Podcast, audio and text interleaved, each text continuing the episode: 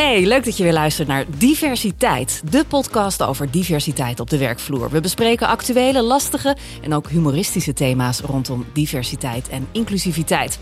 En deze keer gaan we het onder andere hebben over generatie Z, oftewel Gen Z. Zo hoor je dat volgens mij uitspreken, toch Emma? Ja. Dat zijn mensen die zijn geboren tussen het jaar 1996 en 2010. Mijn naam is Hannelore Zwitserloot en naast mij zitten Okko Leiding, Managing Director van Harvey Nash Nederland. En Renzo Deurlo, oprichter van Green Fox Social Return. Die vanuit hun eigen bedrijf en hun eigen ervaringen meepraten. Welkom weer heren. Dankjewel. Goedemorgen.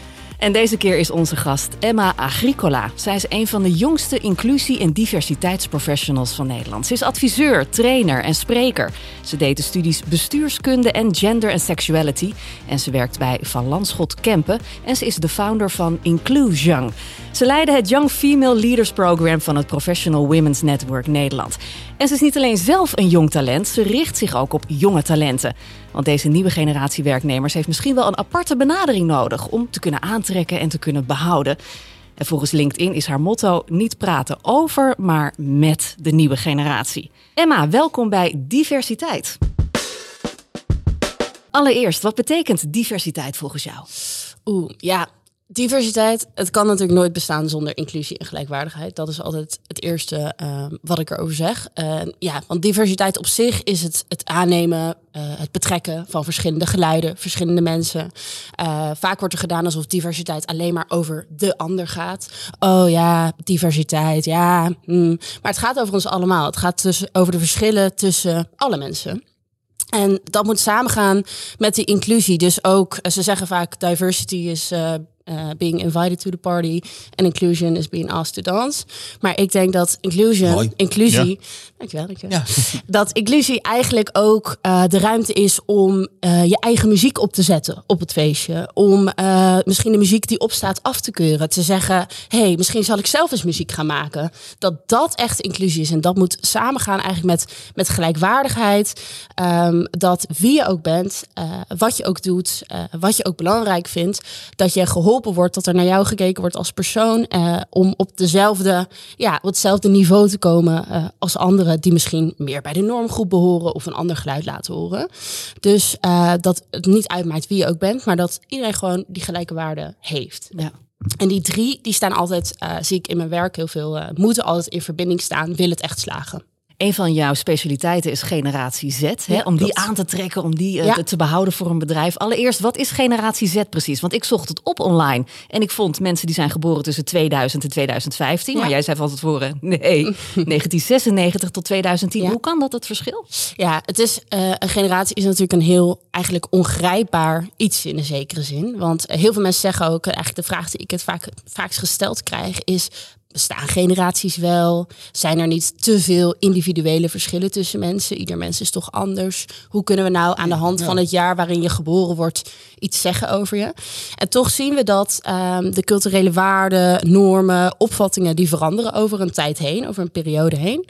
Um, dus uh, wat er belangrijk werd gevonden of hoe er gekeken wordt naar bepaalde dingen in 1945, noem maar wat, is heel anders dan hoe er natuurlijk nu naar bepaalde dingen wordt gekeken. Um, als je bijvoorbeeld kijkt naar vrouwenrechten, uh, is denk ik een heel mooi voorbeeld. Um, dus die opvattingen die veranderen eigenlijk de hele tijd. En je ziet dus dat die generaties, als je in een bepaalde periode geboren bent, neem je toch onbewust en bewust, internaliseer je die heersende culturele opvattingen. Um, en ja, hoe er op dat moment naar bepaalde dingen gekeken wordt. En daarom kunnen we dus toch iets zeggen uh, over generaties als een groep. Maar is het best wel moeilijk om op het, op het jaar specifiek een generatie uh, ja, af te bakenen. Dus uh, in, de, in de research zie je heel erg, hey, tussen 1996 en 2010, dat is eigenlijk die periode dat we echt die Gen Z kunnen grijpen.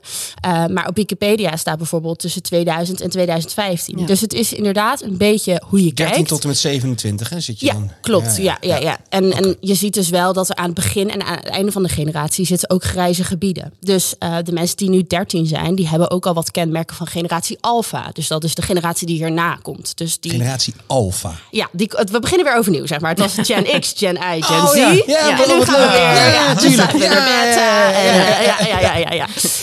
Ehm, dus je ziet ook dat ja, die grijze gebieden, eh, bijvoorbeeld mensen die in 1996 geboren zijn, zijn eigenlijk Gen Z'er, maar hebben ook heel veel kenmerken van de millennial Precies. generatie. Maar wie grenzen Logisch. trekt, die Ja. schept grensgevallen Precies. natuurlijk. Ja, ja, ja, ja, En daarom, ja, kun je Ik wil jou iets vragen wat ik nog nooit een gast van deze podcast heb gevraagd.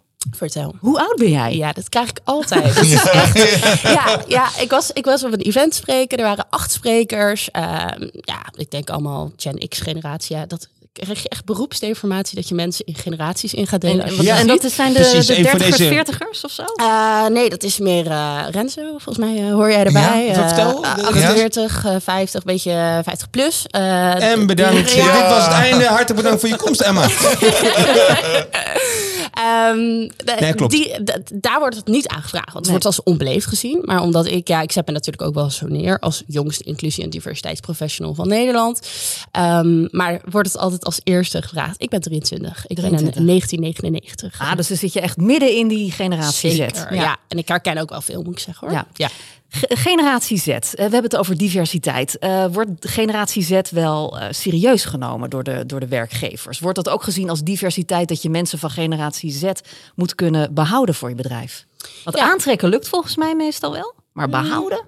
Ja, dus het, bij allebei wel zeker wel uitdagingen.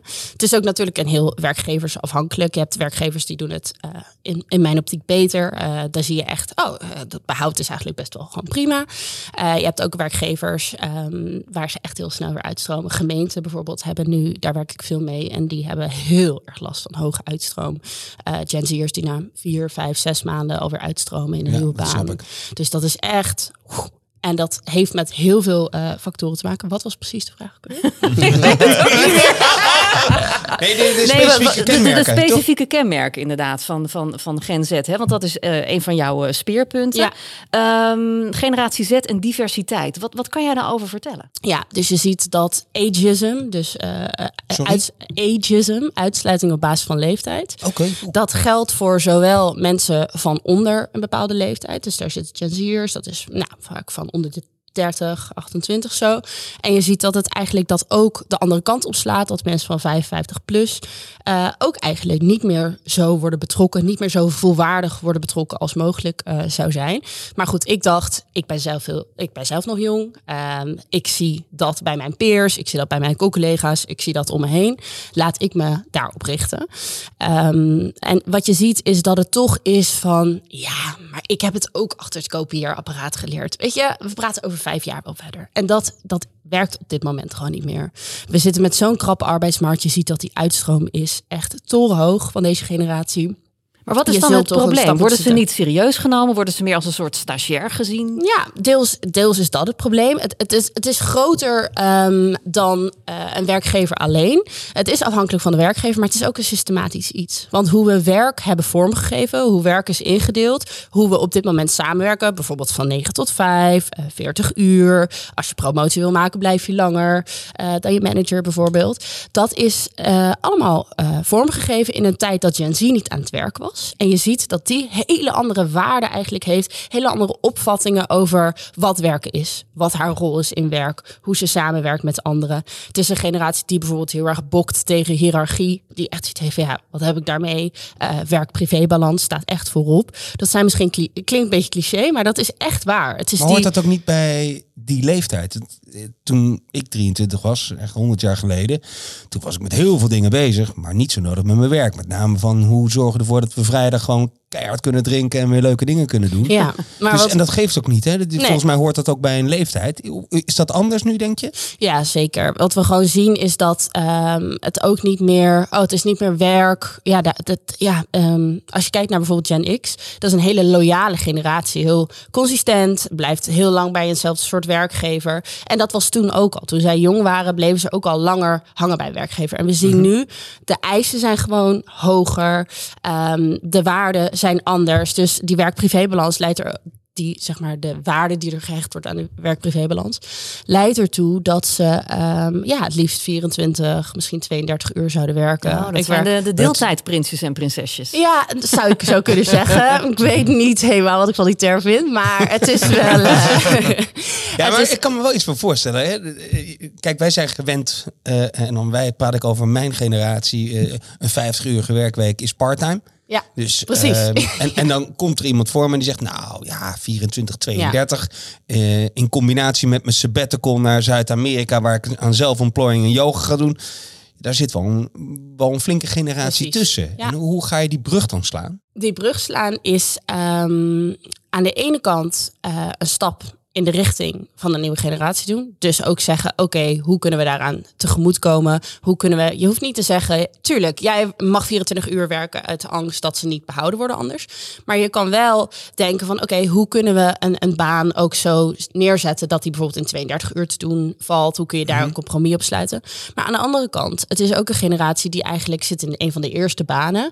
Hoe leg je misschien uit wat werken is? Dat het misschien niet alleen maar leuk is en zinvol. Want dat is ook iets wat Z heel belangrijk is. Zinvol werk, ik wil impact maken. Het is een, een generatie die eh, op is gegroeid in een tijd van nou, meerdere crisissen natuurlijk. Met eh, corona, eh, denk ik, als grootste op dit moment. Die nog steeds heel erg eh, nawerking heeft op de generatie. Maar dan zie je wel dat ehm, je daar eigenlijk dus heel erg moet laveren en communiceren. Hoe kan ik aan de ene kant tegemoetkomen aan, maar aan de andere kant ook wel blijven zorgen dat ik natuurlijk ook blijf kijken naar hoe de, eh, de organisatie naar het volgende niveau wordt getild. Dus dat is ook niet, ehm, ja, daar stel ik denk ik eh, mensen die bij mijn eh, sprekers eh, events aanwezig zijn, misschien ook wel mee teleur. Er is niet één hapklare oplossing. Het is echt eh, samen ook kijken. En het is goed om je te beseffen dat het een andere generatie is met andere waarden. En dan is het kijken, oké, hoe geven we dat, hoe geven we dat samen vorm? Als we kijken naar die, het is een andere generatie. En je gaf net aan, het, het komt door de tijdsgeest waarin ze zijn geboren en, en opgegroeid. Ehm, eh, je gaf net hiërarchie aan als een onderwerp. Het is ook de generatie die op school heel veel in groepjes en in Ja. projecten heeft Ja. gewerkt. eh, waar we heel enthousiast waren dat het schoolsysteem ging veranderen. Nu Ja. komt deze generatie de werkvloer op. Hebben we ons daar voldoende eh, als leiders op aangepast? Mm, en hoe bedoel je dan precies? Nou, wij zitten nog steeds in de hiërarchische vorm. Je krijgt een Ja. opdracht en die ga Ja. je vaak individueel of met een heel klein groepje Ja. eh, uitvoeren. Ik denk niet in werkgroepen. Nee. Is dat, is dat iets waar we ons aan zouden kunnen passen naar de manier van werken, de manier waarop we opdrachten de organisatie insturen? Ja, ik denk zeker dat dat is ook iets wat je heel mooi eigenlijk ehm, vorm zou kunnen geven met die generatie in gedachten. Dus eh, als je een stap in de richting van die generatie wil doen, dat je denkt, hé, hey, ik wil eigenlijk meer behoud van mijn, van mijn jong talent, zeg maar. Dan is dat inderdaad een hele mooie. Hoe kunnen we werk ook soort van her ehm, inrichten? Hoe kunnen we nadenken over eh, hoe we daar wel inderdaad aan tegemoet zouden kunnen komen? En ik zeg ook niet dat elke Gen Z'er heel graag in groepen zou willen werken. Maar dat is wel inderdaad heel erg wat ze gewend is. Het is ook een angstige generatie. We zien dat het echt de generatie is met de hoogste mental health uitdagingen eigenlijk. Oh, en hoe Ehm, komt dat dan? Ja, dat heeft ook te maken met die meerdere crisis. eh, het, het de gevolgen van klimaatverandering worden bijvoorbeeld. Ja. Eh, maar ook social media. Hè? Vergelijkingsdrang. Ah, eh, constant weten. God, die heeft een leuke avond, joh. En ik zit hier op de bank. Ja, maar Terwijl- dat heb ik ook. Als een, ja. Ja. maar het speelt wel mee. Ja. En is het niet ben ook ik de, de, de, oudste. Dat heb ik niet meer. Dat is voorbij. is het niet ook een beetje de rubbertegel-generatie? Hmm. Kun je dat eh, toelichten? Nou, dat zijn de kinderen. Die, nee, dat zijn de kinderen die relatief beschermd zijn opgevoed. Ja. Die wel mochten spelen op het schoolplein, op het speelrek. Zolang er maar rubberen tegels onder liggen. Ja. Terwijl ik ging vroeger gewoon plat op mijn. Ja. eh, Dit zijn mijn vierde voortanden. Dus eh, dat klopt. Ja. Toch? Maar rubberen tegels, ja, Ja. dat, dat staat wel voor beschermend, beschermende ouders. Ja, die curlingouders, dat zien we ook wel heel erg in de generatie. Maar wat ik ook nog tegen jou wil zeggen, Okko, is ook wel dat ehm, doordat die mental health uitdagingen, door eigenlijk ook wel een, een soort angstige inborst, is het ook wel van, oh, als ik dan alleen die opdracht uit moet voeren, dan ligt ook alle verantwoordelijkheid bij mij. En straks kan ik het niet. En straks kan die het beter. En Oh, dat is ook wel. Ja, Ja, dit herken ik maar wel. dat, ja. is ook wel, eh, dat is ook wel waarom ze graag in groepen is zouden willen werken. En dat is wel, Ja. denk ik, ook als werkgever een hele mooie rol die je kunt pakken. Om ook te kijken, hé, hey, maar waar komt dat nou eigenlijk vandaan? Want er wordt heel vaak gedaan, oh, het is zo'n verwende generatie. Maar eigenlijk komen heel veel eh, van hun wensen ook voort uit bijvoorbeeld die angst. Of uit de tijd waarin ze zijn opgegroeid. Dat ze heel veel thuis willen werken, komt er ook voort uit, uit corona. Dat ze Mhm. daar de eerste banen eigenlijk in eh, zijn gaan navigeren. En natuurlijk is het ook wel een rubberen tegelgeneratie. Eh, Dat is er mooi, zijn- heb je toch een nieuwe term geleerd? ik zeg inderdaad vaak curlingouders, maar inderdaad komt op hetzelfde neer. Ja. ja, dat je ook wel ziet van, het was heel erg, mensen kregen minder kinderen. Eh, er was veel meer overleg. Eh, ja, Ja, meer, minder dan vroeger. Jij niet. Nee, Maar de rest van ons Ja, wel. gelukkig Ja, ja. en zo. Nee, oké. Eh, joh, dus, eh, en, goed. en dan krijg je ook per kind dat eigenlijk individueel meer aandacht eh, eh, is. En dat er ook wordt gekeken van, nou, wat, ik kende bijvoorbeeld, ik had een collega in de eerste organisatie waar ik werkte. En die had drie kinderen en die maakte voor elk kind wat anders. En dan vroeg ze elke ochtend, wat willen jullie eten vanavond? Nou, zei één pannenkoeken, een ander hutspot en een ander weet ik veel wat. Eh, en dan ging zij dat in haar lunchpauze, ging ze dan daar alle boodschappen verhalen. En dat ging ze dan als ze na de werk gewoon, werkte 40 uur, eh, thuis kwam, ging ze dat toch allemaal koken. Ja, dan krijg je wel ook een bepaald beeld van, oh, blijkbaar doet het er echt toe wat Ja. ik wens. Snap je? En ik zeg niet dat dat voor elke eh, Gen Z'er geldt. Het is natuurlijk ook een generalisatie om te werken met generaties. Maar dat is wel een ander eh, denkpatroon dan bijvoorbeeld mijn vader die Gen X'er is. ehm, met eh, drie broers en zussen. En dan was het gewoon eh, vechten om, om de laatste aardappel. Ja, zeg maar die je eet wat de eventjes. pot schaft. Precies. Ja, precies. Ja. Wat, wat brengt generatie Z in het bedrijfsleven? Wat, want hè, we horen nu volgens mij een hele Ja. hoop nadelen. Oh, ze zijn kwetsbaar, oh, psychisch Mhm. probleem.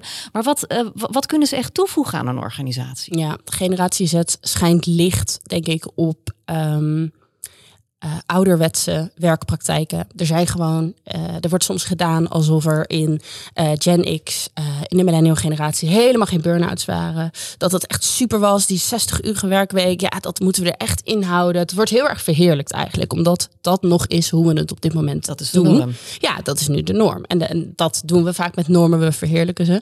Maar Gen Z schijnt ook licht op dat het ook anders kan. Werk kan ook anders. En daar heeft corona natuurlijk ook bij geholpen. Er kan bijvoorbeeld thuis gewerkt worden. Er kan eh, op een andere plek gewerkt worden. Er kan op andere tijden gewerkt worden. Maar dat is wel heel erg wat zij meebrengt. Een soort, eh, ja, het herinrichten van werk. Het opnieuw gaan nadenken over wat zijn we nou eigenlijk aan het doen met elkaar. En hoe kunnen we dat nou eigenlijk eh, nog veel efficiënter en beter inrichten voor ook onze collega's. Dus ik denk dat dat een hele mooie is. Dat ze ja, zij houdt echt vast aan haar eigen privé-werkbalans. Ehm, wat we ook heel erg zien bijvoorbeeld bij de babyboomer-generatie. Die gaan heel erg voor het collectief. Die gingen werken eh, in de tijd na de Tweede Wereldoorlog. Nou, dat was echt de tijd van heropbouw. En we gaan ervoor, schouders eronder. Zijn hele loyale, consistente werknemers.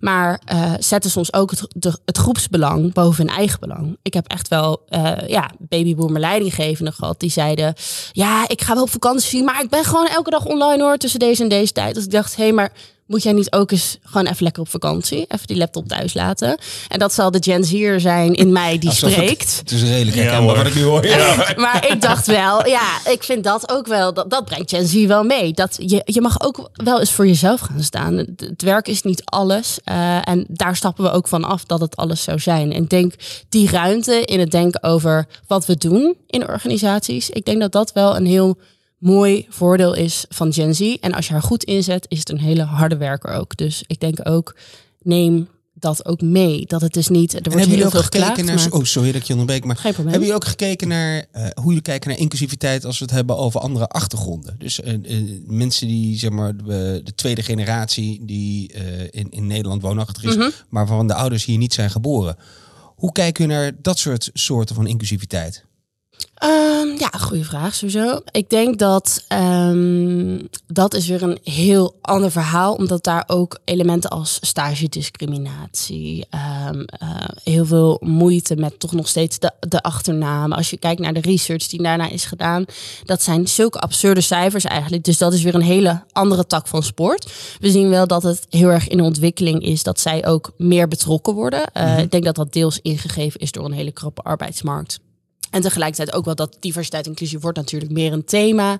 Eh, en daardoor zullen zij ook meer betrokken worden. Maar we zien nog wel steeds dat ook eh, jonge tweede generatie Nederlanders eh, nog niet altijd op die manier geïncludeerd worden. Toch worden uitgesloten op basis van achternaam. Toch niet gekozen de- worden voor de stages. Ja, maar dat is waarschijnlijk weer door de andere generatie. Mhm. En waar ik bedoelde is binnen de generatie. Dus Mm. binnen jouw generatie Z, hoe kijken jullie naar verschillende afkomsten Oh, zo. of eh, verschillende eh, eh, seksuele voorkeur of nou, dat soort zaken? Ja, ik zou wel eens willen zeggen. Nou, het is trouwens, dat is ook. er is net een heel groot Amerikaans onderzoek naar uitgevoerd. Dat het eigenlijk de inclusiefste generatie Ja. is. Waar diversiteit en inclusie al het meest meegebakken zit. Dus het is niet meer. Goh, misschien zouden we daar ook iets mee moeten. Maar het is gewoon meer van, hoe kunnen we het naar het volgende niveau tillen? We weten dat het er is, we weten dat er diversiteit is. Oké, hoe kunnen we zorgen voor die gelijkwaardigheid? Dus dat is ook iets heel moois, denk ik, wat, uh, goed dat je het zegt, dat Gen Z'ers meebrengen in organisaties, is wat is jullie stance op duurzaamheid? Waar staan jullie op diversiteit en inclusie? Ook die organisaties verantwoordelijk houden. Want voor ons zit het al meegebakken. En Hoe kan je dat naar buiten brengen als organisatie dan? Want het, eh, je wil uh, graag laten zien dat je het voortouw neemt of dat je het goed doet. Hoe zou je dat uitzoeken als jij gaat solliciteren? Nou, sowieso uh, is er een team met fulltime uh, medewerkers die werkt aan diversiteit en inclusie bijvoorbeeld. Laat ik me daar even op richten. -hmm. um, is er een strategie? Zijn er beleidstukken? Wordt het genoemd in het jaarplan?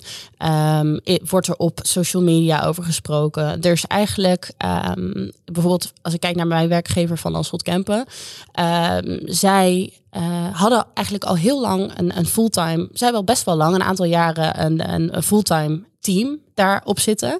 Mm-hmm. uh, er is nu een strategie, hebben we gepubliceerd. Uh, het wordt heel erg in het jaarverslag ook meegenomen van hey, hoe kijken we daar tegenaan? Wat zijn ook weer onze, onze standpunten voor het komende jaar? Het wordt op social media heel vaak genoemd. En ik denk dat uh, organisaties niet moeten vergeten dat die digitale presence, dat het daar, daar moet het eigenlijk van komen. Want ik ook toen ik daar ging werken, toen ik daar ging solliciteren, ik heb uh, op de website gekeken en op mijn social media. Dus daar, ja. daar moeten ze het echt van hebben. Uh, en daar zijn ontzettend veel mogelijkheden eigenlijk. storytelling over collega's. de, beleidsstukken, strategie, weet je wel. Maar het moet echt ingebed zijn in, in de organisatie. Dus zo kijkt de generatie er tegenaan. Oké, okay. ja, helder. Waarom is het belangrijk om een mix te hebben in je organisatie van uh, verschillende uh, generaties? En voor welke uitdagingen zorgt dat? Ik spreek bewust niet over problemen, maar uitdagingen. Ja, ja. Want ik kan me voorstellen dat het af en toe nog best wel lastig is, die mix. Zeker, ja. Um, het is ook echt wel een, een ding. Uh, intergenerationele samenwerking, daar specialiseer ik me op uh, naast Gen Z natuurlijk. En dat is gewoon altijd een uitdaging. En ik denk dat diverse teams, uh, daarvan zie je sowieso in welke termen ze ook divers zijn. Is dat leeftijd, is dat afkomst, maakt niet uit. Dat de productiviteit en efficiëntie gaat eerst vaak even omlaag voordat die omhoog kan gaan. Want mensen zijn even aan het zoeken van hey, jij staat misschien voor hele andere dingen dan ik. Uh, ziet er anders uit, ben met andere dingen bezig. Moet even hoe, levelen. Ja, hoe zorgen we dat wij toch dit samen aangaan? En als ik dan kijk op uh, de specifieke generatie. Um, gebied, dan kan dat heel erg voor uitdagingen zorgen. Ik was laatst bijvoorbeeld met een mediabedrijf in gesprek en die zeiden ja, ons MT, wat volledig bestond uit Gen X mannen, uh, ergert zich er zo erg aan dat die Gen Z al om half zes bij de lift staat. Dat was iets wat keer op keer kwam dat heel erg terug in dat gesprek. Mm. En daar zul je dus um, als organisatie iets mee moeten. En wat ik dan eigenlijk zeg van vaak die dingen Pak die ik zei, dat was niet gelijk wat ik zei, maar de volgende keer ik ben ook expert op mijn gebied. Ja, hoor. Um, eigenlijk is het, uh, dat zijn vaak dingen die worden niet verbaal gemaakt. Die mogen er eigenlijk niet bestaan, want we zouden het toch gewoon moeten kunnen met z'n allen. Maar als iets niet verbaal wordt gemaakt, als er niet over wordt gesproken, mag het ook vaak niet bestaan. Dan wordt het ook niet echt aan de oppervlakte gebracht. Dus dat gaan we nu ook doen. Dat is wat ik ook met die organisatie heb afgesproken. We gaan met een reeks workshops en dialoogsessies gaan we het ook uh, ja, meer aan het licht brengen. En ook laten zien van oké, dit is eigenlijk waar beide generaties tegenaan lopen. Want ik weet zeker dat die Gen Z'ers ook echt wel. Uh, ja, wat te vertellen hebben over de X in hun generatie. Ja. Maar hoe pak je dat dan concreet aan? Deze casus, dat, dat die ja. oudere generatie zegt... die mensen gaan veel te vroeg naar huis. Ja, dus allereerst is het um, zorgen dat er begrip ontstaat... door over die verschillende generaties uh, workshops te doen. Dus gewoon, uh, dit is de wetenschap, dit zien we hoe herkennen jullie daarin? Dus zorgen dat zij ook uh, zelf de tijd krijgen om daarop te reflecteren. Zo'n Gen X'er. Oh ja, dat klopt wel. Ja, dat zie ik ook wel in onze generatie. Uh, en dat is nog los van elkaar. Want vaak is het voor bijvoorbeeld een Gen Z'er die drie jaar aan het werk is, is het wel heel wat om tegen het MT te zeggen van nou ja, uh, als, als je het mij vraagt, zou ik het sowieso doen. Weet je, dat gebeurt niet. werkweek in Bali. Precies, ja. ja. Dus die, je moet die sociale veiligheid ook creëren. Dus daardoor kiezen we ervoor om ze, om ze eerst los van elkaar eigenlijk eh, met het begrip aan de slag te gaan. En daarna is het key om toch die dialoog, die connectie te maken. Dus dan is het letterlijke dialoogsessies. hey, we hebben dit gehoord. Uh, we hoeven dus niet dan één iemand aan te wijzen van Gen Z. Jij staat altijd om half zes bij die lift. Ja, nee. precies. Jij, kom maar even. En jij zei dat je dit aan te merken had op het MT, kom maar even. Nee, dan is het gewoon, hey, als groep zagen we eigenlijk, die groepen zagen we eigenlijk stelling X, Y, Z. Dat bijvoorbeeld de grote ergernis is dat je zo vroeg naar huis gaat. Hey, kun je daar misschien op, op reflecteren? Uh, en zo toch werken aan het begrip. Want daar, daar schort het uiteindelijk aan. En dat is ook begrijpelijk. Want als je zelf met zo'n ander waardepatroon, met zulke andere dingen bezig bent, als werk misschien wel het grootste is in jouw leven, dan snap ik ook dat het best wel ergelijk kan zijn. Maar dan is het dus key om toch de dialoog aan te gaan uh, en te zorgen dat je begrip krijgt voor elkaar. Want anders besta je over een paar decennia ook niet meer. Je moet iets met jonge mensen. Zit daar een element in dat je de waarde die een, een, een eerdere generatie aan werk dus biedt, zeg je, geef je net aan, dat iemand anders dat niet erkent en herkent? dus als ik mijn voetbalclub heel belangrijk vind en iemand anders komt binnen en die vindt die echt belachelijk, dan hebben we al een meningsverschil en dan wordt het al een moeilijk gesprek. Ja. De waarde die ik aan werk hecht, die kan anders zijn dan dat jij hem eraan aan hecht, maar dat maakt ons meteen verschillend. Precies, ja. Um, maar ik denk dat het niet eens per se een uh, waarde is die wordt gehecht aan werk. Want we zien wel dat, eh, dat zie je ook heel veel juist in de research terugkomen, dat Gen Z echt wel heel erg veel waarde hecht aan werk. Dat ze werk echt wel eigenlijk best wel belangrijk vindt. Alleen niet meer het belangrijkste. Het hoeft niet meer 60 uur. 32 ja. is ook mooi. En dan kunnen we ook nog gaan voetballen. En dan kunnen we ook nog hè, uh, andere dingen doen. Uh, reizen bijvoorbeeld, ook een hele grote. Dus het is, um, daar kunnen ze juist ook, vind ik, uh, zie ik altijd terug in dialoogsessies, in workshops, vinden ze eigenlijk die common ground. Maar als dat niet mag bestaan, als dat niet verbaal wordt gemaakt en er wordt niet over gesproken, dan lijkt het heel gepolariseerd. Ja, jij wil maar 24 uur en ik sta hier echt voor, voor de organisatie. Terwijl als we zien uh, in die workshops van, hey, wij delen eigenlijk wel dat we het werk belangrijk vinden, alleen vullen we hem anders in, misschien op andere tijden, andere locatie of andere hoeveelheid uren, dan heb je al iets om vanuit te werken. Die common ground dat je werk dus wel allebei belangrijk vindt, maar het op een andere manier invult. Wij zagen uit ons medewerkerstevredenheidsonderzoek dat de jongere generaties meer hadden met het merk en de kernwaarde waar het bedrijf voor stond. Mm -hmm. um, en dat stond dus haaks op de discussie hoeveel uur per week werk je. Ja. Um, um, en dat heeft bij ons heel veel losgemaakt. Hè, dat, we die, dat we dat verschil zagen. Precies, ja. ja. Ja, precies. Daar, daar gaat het inderdaad om, om die waarde. Wat straal je uit als een, als een bedrijf? Waar ben je mee bezig? In plaats van in zoveel uur moet het gegoten worden. Maar eigenlijk is, ik zit nog een beetje te denken over de generatieverschillen. Maar de generatie uh, Z gaat eigenlijk werken voor de ouders. He, voor de generatie ja, van de ouders. Klopt. En dan kom je net uit de puberteit. Ja. He, flauw ja. gezegd, dus, uh, en, en dat gaat niet in één dag. Nee. Dus dat gaat langzaam. Dus het feit dat uh, de kinderen zeuren en, en de, de ouder wel weet hoe het allemaal werkt. Hoe ga je dat patroon doorbreken? Wanneer zeg je, oké, okay, je bent volwassen en ik, ik nodig je uit aan de vergadertafel en denk met ons ja, mee? Dat is best wel een lastige. Want dat zie ik bijvoorbeeld ook wel um, als ik voor sprekersklussen uit word genodigd en er zitten alleen maar managers in de zaal. Mm -hmm. En ik verstel over generatie Z en ook wel over de ja, zaken waar vaak tegen aangelopen worden die moeilijk worden bevonden. Uh, dat ze bijvoorbeeld wat minder uren willen werken over het algemeen, dat soort dingen. Dan zie ik dat die managers gaan eigenlijk uit hun managersrol en schieten in hun ouderrol. Exact. En zeggen dan, ja, maar je hebt het hier wel over mijn kind, hè? En uh, mijn kind is echt tof, 50 ja, uur werken. Ja, echt zo, mijn kind is echt tof, weet je wel. Want tuurlijk, we vinden onze eigen kinderen ook tof. En dat is helemaal goed. Ja. Maar uh, dat is wel iets waar ik me zeg maar, in het begin van Inclusion op gekeken heb. Ik dacht, ja, maar die mensen die komen hier allemaal vanuit de managerrol. En die zitten daar vol professionaliteit. Maar die schoten meteen in die ouderrol. En die zeiden, ja, wat zeg je nou eigenlijk over mijn kind? En, en je maar doet alsof hoe het monster zijn. Dan confronteer je ze dan mee? En dan zeg je, nou, praat je nu vanuit de ouderrol of vanuit de managerrol? ja. Wat is dan hun reactie? Ja, ja, nou ja, weet ik niet. Maar ik vind dat, uh, weet je wel, daar, dat is de discussie ook al niet. Dus dan is het eigenlijk mijn rol om daar wel in tegemoet te komen. Om ook te zeggen, hé, hey, we zien uit de wetenschap. Dan maar iets abstracter maken. Maar dan trek ik hem weer in het abstracte. En haal ik hem eigenlijk uit dat het over hun specifieke kind gaat. dan zeg ik, cijfers Ja. laten zien dat. En dan kunnen we het gesprek weer aangaan. Maar dat is dus wel iets waar je heel erg tegenaan loopt inderdaad. Dat uh, deze generatie ook werkt met, met hun mijn ouders, uh, like you said. En dat kan best wel ingewikkeld zijn. Lijkt Maar als ik kijk naar mijn ouders bijvoorbeeld, die ehm, ja, hebben ook altijd, en dat is wel iets wat eh, ouders van deze generatie eigen is, hebben wel altijd gevraagd van, hé, hey, maar wat wil jij? Luisteren, dat ouders dat tegemoetkomen aan. Dus ik zou zeggen, doe dat hier ook.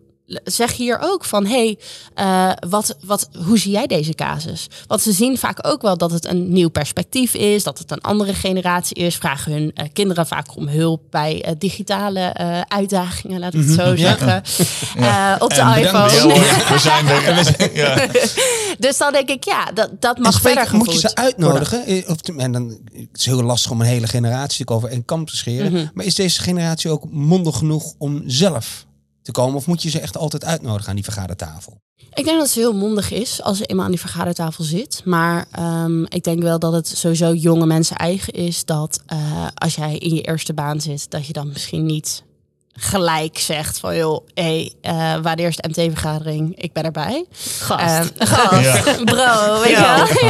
Ja. Maar niet om zes uur, want dan ben ik al lang weg. Ja, zo goed. ik al thuis, joh. Nee, precies. Dus eh, ik denk wel dat, het, dat ze mondig is, maar het is, ook, het is ook een jong mens. Het is ook een jong mens die begint, die staat aan het begin van de carrière. Dus eh, ik denk ook dat het wel, ehm, als je echt die meningen wil horen, zul je ook actief moeten betrekken. Want we komen wel uit ook een, een erfenis dat jonge mensen dus niet zoveel te zeggen hebben. Oh, ik heb het ook achter het kopieerapparaat geleerd. Ja, daar zijn bepaalde generaties, Gen X bijvoorbeeld, is daar ook wel mee opgegroeid. Van, nou, we spreken elkaar nog Onderaan wel. beginnen, ja. Precies. En Ja, dat was, was toen prima. eh, maar ja, dan zul je dus wel actief die stap ook moeten zetten. Maar als ze eenmaal aan je tafel zitten, zijn ze mondig zat. eh, hebben ze allerlei ideeën over duurzaamheid, diversiteit en inclusie. Hebben ze bij andere organisaties op eh, social media gezien hoe die het doen. Ehm, ja, en kunnen ze dus echt wat toevoegen. En ik denk dat om ook weer in te gaan op jouw vraag van eerder. hey, wat brengt die generatie mee? Ook wel echt een fris perspectief. Kijkt anders. Is de eerste generatie die echt met digitale eh, middelen is opgegroeid. eh, weet heel goed hoe ze daarmee om moet gaan. Staat ergens voor. Wil graag. Ehm, dus ja, ik denk zeker ook wel dat er echt wel positieve kanten aan zitten. Hoop verandering geweest in die eh, generatie. Ik denk het meeste aantal veranderingen Ja. als, als we kijken Ja. naar de afgelopen honderd jaar. Ja, zeker. Dat is heel, die hebben elkaar heel snel opgevolgd. En dat, dat zie je wel in de Ja, dus jullie, kun- Ja. jullie zouden je snel moeten kunnen aanpassen. Ja, en, en, en dat is ook wel zo. Alleen ehm, als je bepaalde kernwaarden hebt, zoals die werk-privé-balans, wat echt een balans is en niet meer werk 80 en eh, privé, oh ja, dat moet er ook nog bij. Ehm, die kernwaarden neem je ook mee.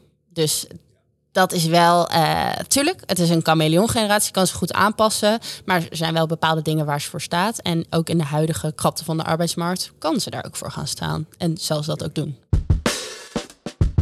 Heb je tot slot nog een concrete tip voor bijvoorbeeld HR-medewerkers die nu luisteren, die denken van oké, ik wil meer diversiteit, ik wil meer generatie X, ik wil ze aantrekken, ik wil ze behouden. Heb je één concrete tip? Ja, zeker. Ehm, ik denk twee. Aan de ene kant... eh, Vooruit, dus met de generatie. Ja? Die komt er dan meteen met twee. eisen hoor. Ja, gelijk. Vier uur werkweek, streep.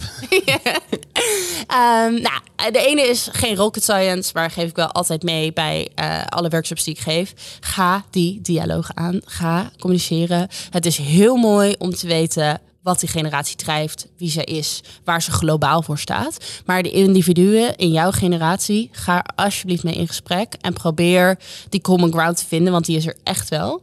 Ehm, maar probeer dus daar een, een open discussie over aan te gaan. Want eh, alleen maar blijven hangen in, ja, nee, ja, dat vind ik echt zo'n zeikerige lui, luie, hoorden we ook heel veel. Generatie, daar kom je er niet mee. Je moet iets met die generatie. Het, wordt, het is nu een kwart van de werknemersbestand. Wordt in drie jaar wordt het een derde van het werknemersbestand van heel veel organisaties. Voor het voortbestaan van je, eh, van je organisatie heb je ze echt Dat is nodig. echt groot, ja. Ja, dus dat is eh, sowieso echt de bottomline. Eh aan de andere kant is ook wel, ehm, als ik spreek vanuit mijn bredere ervaring met diversiteit en inclusie, inclusie is altijd zelfonderzoek. Waarom triggeren bepaalde dingen mij zo? Waarom ehm, heb ik die onbewuste vooroordelen? Want die heb ik ook. Maar het is heel interessant om ze op te merken eh, en dan te kijken, hé, hey, maar waarom waarom leeft dit zo in mij? En waarom word ik zo getriggerd als iemand om half zes bij de lift staat? Is dat misschien uh, door de waarde die ik aan werk hecht? Oké, ga daar dan het gesprek over aan. Dus probeer ook te kijken van, hé, hey, maar wie ben ik nu als professional? Waarom triggeren bepaalde dingen mij zo? Waarom, hoe ga ik daarmee aan de slag? Um, hoe kan ik toch betrekken? Hoe kan ik toch open blijven staan? En niet helemaal gelijk in die ze zijn lui en verwend en ze hebben curling ouders en dus hoef ik er niks mee. Nee, ik probeer ook te kijken, hey, wie ben ik? Wat zijn eigenlijk mijn waarden? Hoe lopen die misschien tegenstrijdig uh, met... Uh, ja, dus dialoog ja. en zelfreflectie. Zeker. Oh, dat ben ja, heel goed. Dit is een generatiedingetje. Dat is heel makkelijk. Ja, Emma, dat was jouw telefoon. Die TikTokken we nog even erin. Emma Agricola, bedankt voor dit gesprek. En Okko Renzo natuurlijk ook weer bedankt. En jij bedankt voor het luisteren. En graag tot de volgende aflevering van Diversiteit. En dan hebben we als gast Mohamed El Mokadem, directeur Moveda Management en Advies en voorzitter van Cedris. Volg Harvey Nash en Green Fox via de socials en volg onze podcast Diversiteit via de site, zodat je niks hoeft te missen. En die website is diversiteit.com en dan is het tijd als in ja, de tijd op je horloge, dus met een lange ei en een dirk op het eind.